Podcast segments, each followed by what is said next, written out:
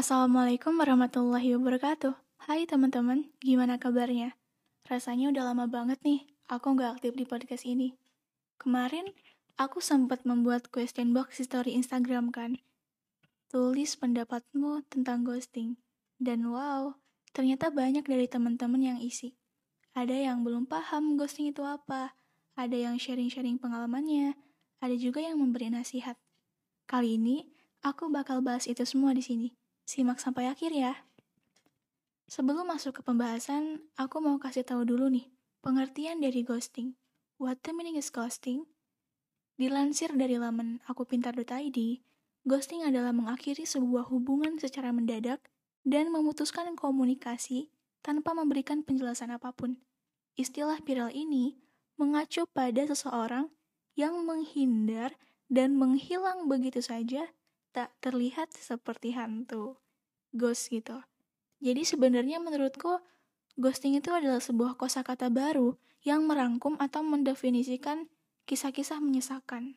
Soalnya ketika aku tanya teman-teman aku, itu sama aja kayak ditinggal pas lagi sayang-sayangnya. Atau deketnya sama kita, eh jadiannya sama orang lain. Diputusin secara sepihak, dan lain-lain. Nah, biasanya ghosting ini mengacu kepada hubungan asmara. Tapi ternyata ghosting ini maknanya luas. Gak cuma ada di kisah asmara, tapi juga ada dalam kisah keluarga, persahabatan, atau bahkan pertemanan. Contohnya aja, temen yang suka tiba-tiba ngilang pas punya hutang. Iya nggak? iya dong. Siapa nih yang kayak gini? Ngaku. Hutang itu harus wajib dibayar ya teman-teman.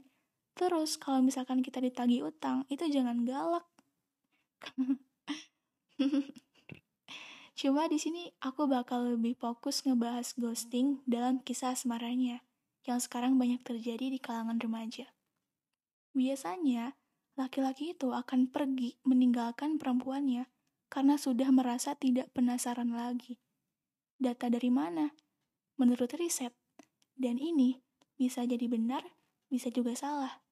Nah, setelah dia tahu wanitanya ternyata begini dan begitu, setelah rasa penasarannya tuh terbayarkan, maka muncullah istilah ghosting, ditinggal tadi gitu. Nah, ini tuh relate sama pengalaman aku dulu. Tapi ini tuh kejadiannya udah lumayan lama banget, beberapa tahun lalu sebelum aku hijrah. Jadi dulu aku pernah suka sama seorang laki-laki. Intinya kita deket, dan tiba-tiba dia pergi ngilang gitu aja tanpa alasan setelah dia tahu kondisi aku begini dan begitu. Sampai Instagram aku tuh di-unfollow sama dia. Nah, apa yang aku rasain setelah itu? Nyesel, pasti. Karena aku terjebak dalam hawa nafsuku sendiri. Nyesek, ada sih, dikit. Tapi itu juga karena ulahku sendiri yang gak pandai mengolah rasa. Dan dari pengalaman itu, aku belajar bahwa kalau misalkan cinta tidak ditempatkan di tempat yang benar, maka itu akan berujung patah hati. Terus yang kedua, aku jadi belajar bagaimana fitrah wanita yang sebetulnya mulia. Terus, aku jadi bisa bedain mana cowok yang tulus dan mana cowok yang modus. Dan masih banyak lagi. Hmm, teman aku juga pernah ngerasain hal yang sama. Ditinggal gitu aja setelah si cowoknya tahu fisik temen aku seperti apa. Parah gak sih lihat dari fisik? Itu benar-benar menyakitkan.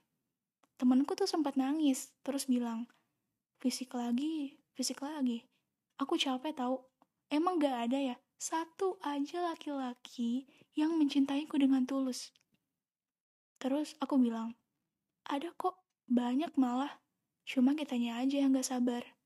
Maksudnya, kelak, bila sudah waktunya, akan ada seseorang yang sangat mencintaimu, sangat menghargaimu, dan sangat memuliakanmu.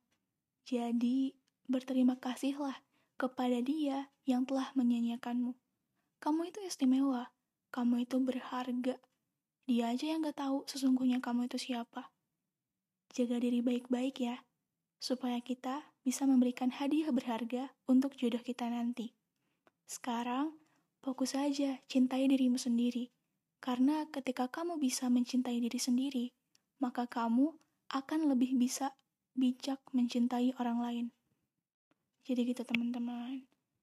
Mencintai itu emang fitrah semua manusia, dan itu suatu hal yang wajar, juga sunatullah.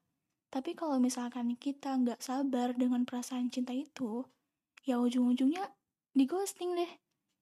Jatuh cinta tuh ada seninya, nggak asal main terobos aja tanpa lihat aturannya kayak gimana.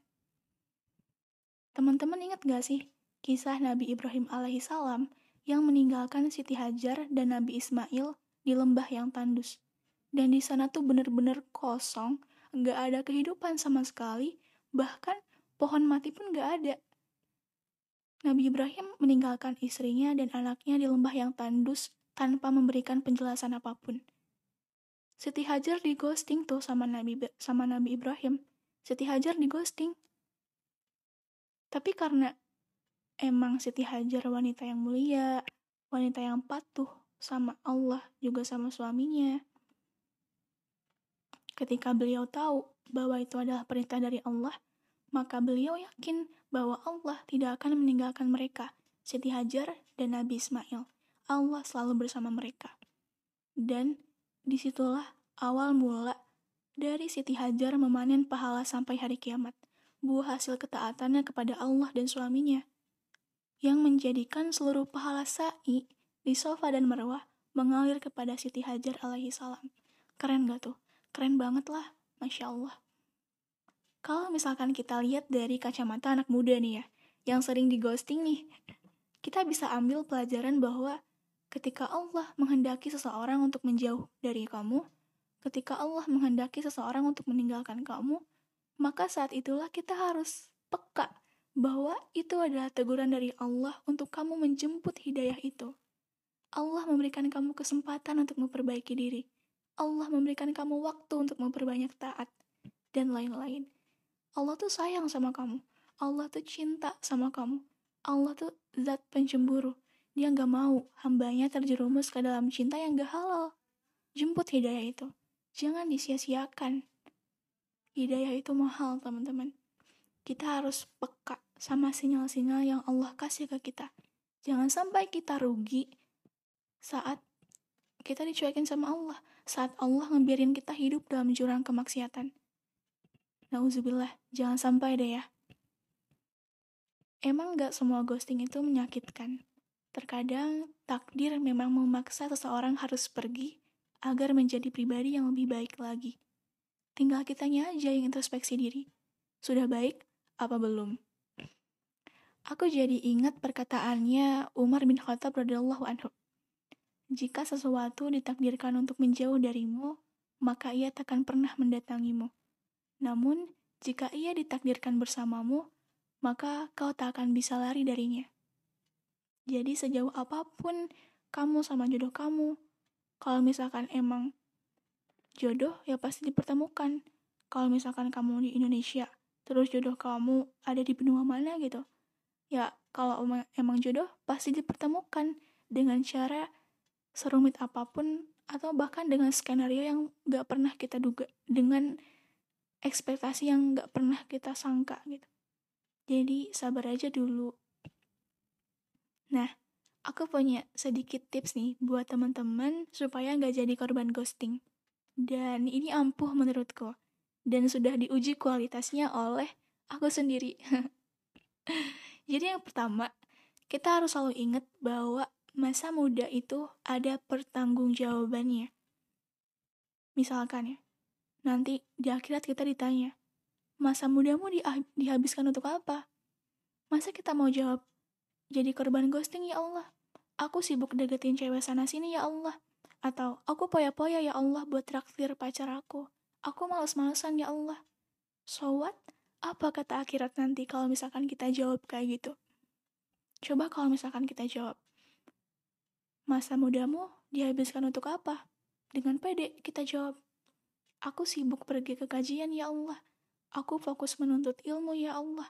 Aku fokus salawatan ya Allah. Aku suka sedekah ya Allah. Aku suka pergi ke kajian bareng teman-teman ya Allah. Kan itu keren banget, Masya Allah banget gitu kan.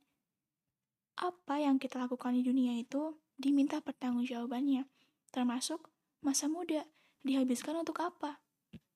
Masa muda itu termasuk ke dalam masa emas. masa muda nanti tuh diminta pertanggungjawabannya secara khusus karena masa muda benar-benar diperhatikan dan anak muda kayak kita itu adalah generasi penerus. Hmm, gitu teman-teman. Terus yang kedua, jaga batasan dan jangan ambil kesempatan saat setan sedang rayu kamu.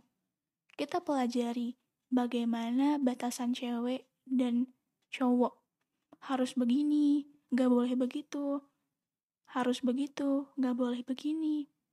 Terus kalau misalkan kita ngerasa ada suatu hal yang gak biasa, misalnya ada rasa-rasa khusus kayak, duh, kalau diperhatiin ternyata dia ganteng ya. Atau, duh, kayaknya aku nyaman deh sama dia. Dan masih banyak lagi. Atau yang lainnya. Kita harus segera palingkan itu. Langsung berpaling. Jangan biarin kita terjebak sama rayuan setan. Kenapa? Karena nyaman itu adalah jebakan. Udah, sabar aja dulu. Terus yang terakhir, cari temen atau sahabat yang bisa bantu kamu lupain itu. Berkumpullah bersama teman-teman atau sahabat yang bisa buat kamu fokus sama tujuan hidup kamu. Ngembangin hobi, nemuin passion, buat bisnis bareng, pergi ke kajian bareng, atau buat suatu apa komunitas dakwah dan masih banyak lagi gitu teman-teman. Kalau misalkan kita masih sulit untuk nemu teman-teman yang bisa booster kita atau kita masih belum menemuin teman-teman yang bisa bantuin kita, kan ada Allah. Ada Allah yang bisa bantuin kita. Kita minta kekuatan sama Allah, kita minta petunjuk sama Allah, kita minta bimbingan ke Allah. Allah pasti tolong kok, karena Allah lebih dekat dari siapa pun yang dekat dengan kita. Bahkan Allah lebih menyayangi kita, melebihi orang tua kita kan, melebihi ibu kita. Jadi Begitu teman-teman. Sebenarnya masih ada lagi sih, tapi aku ambil poin pentingnya aja deh. Aku tutup sampai sini ya. Semoga bermanfaat. Jangan lupa di-share dan ingat, jadikan cinta kamu mulia, bukan malah sebaliknya, hina. Bisa, bisalah, masa enggak? Terima kasih ya untuk waktunya. Wassalamualaikum warahmatullahi wabarakatuh.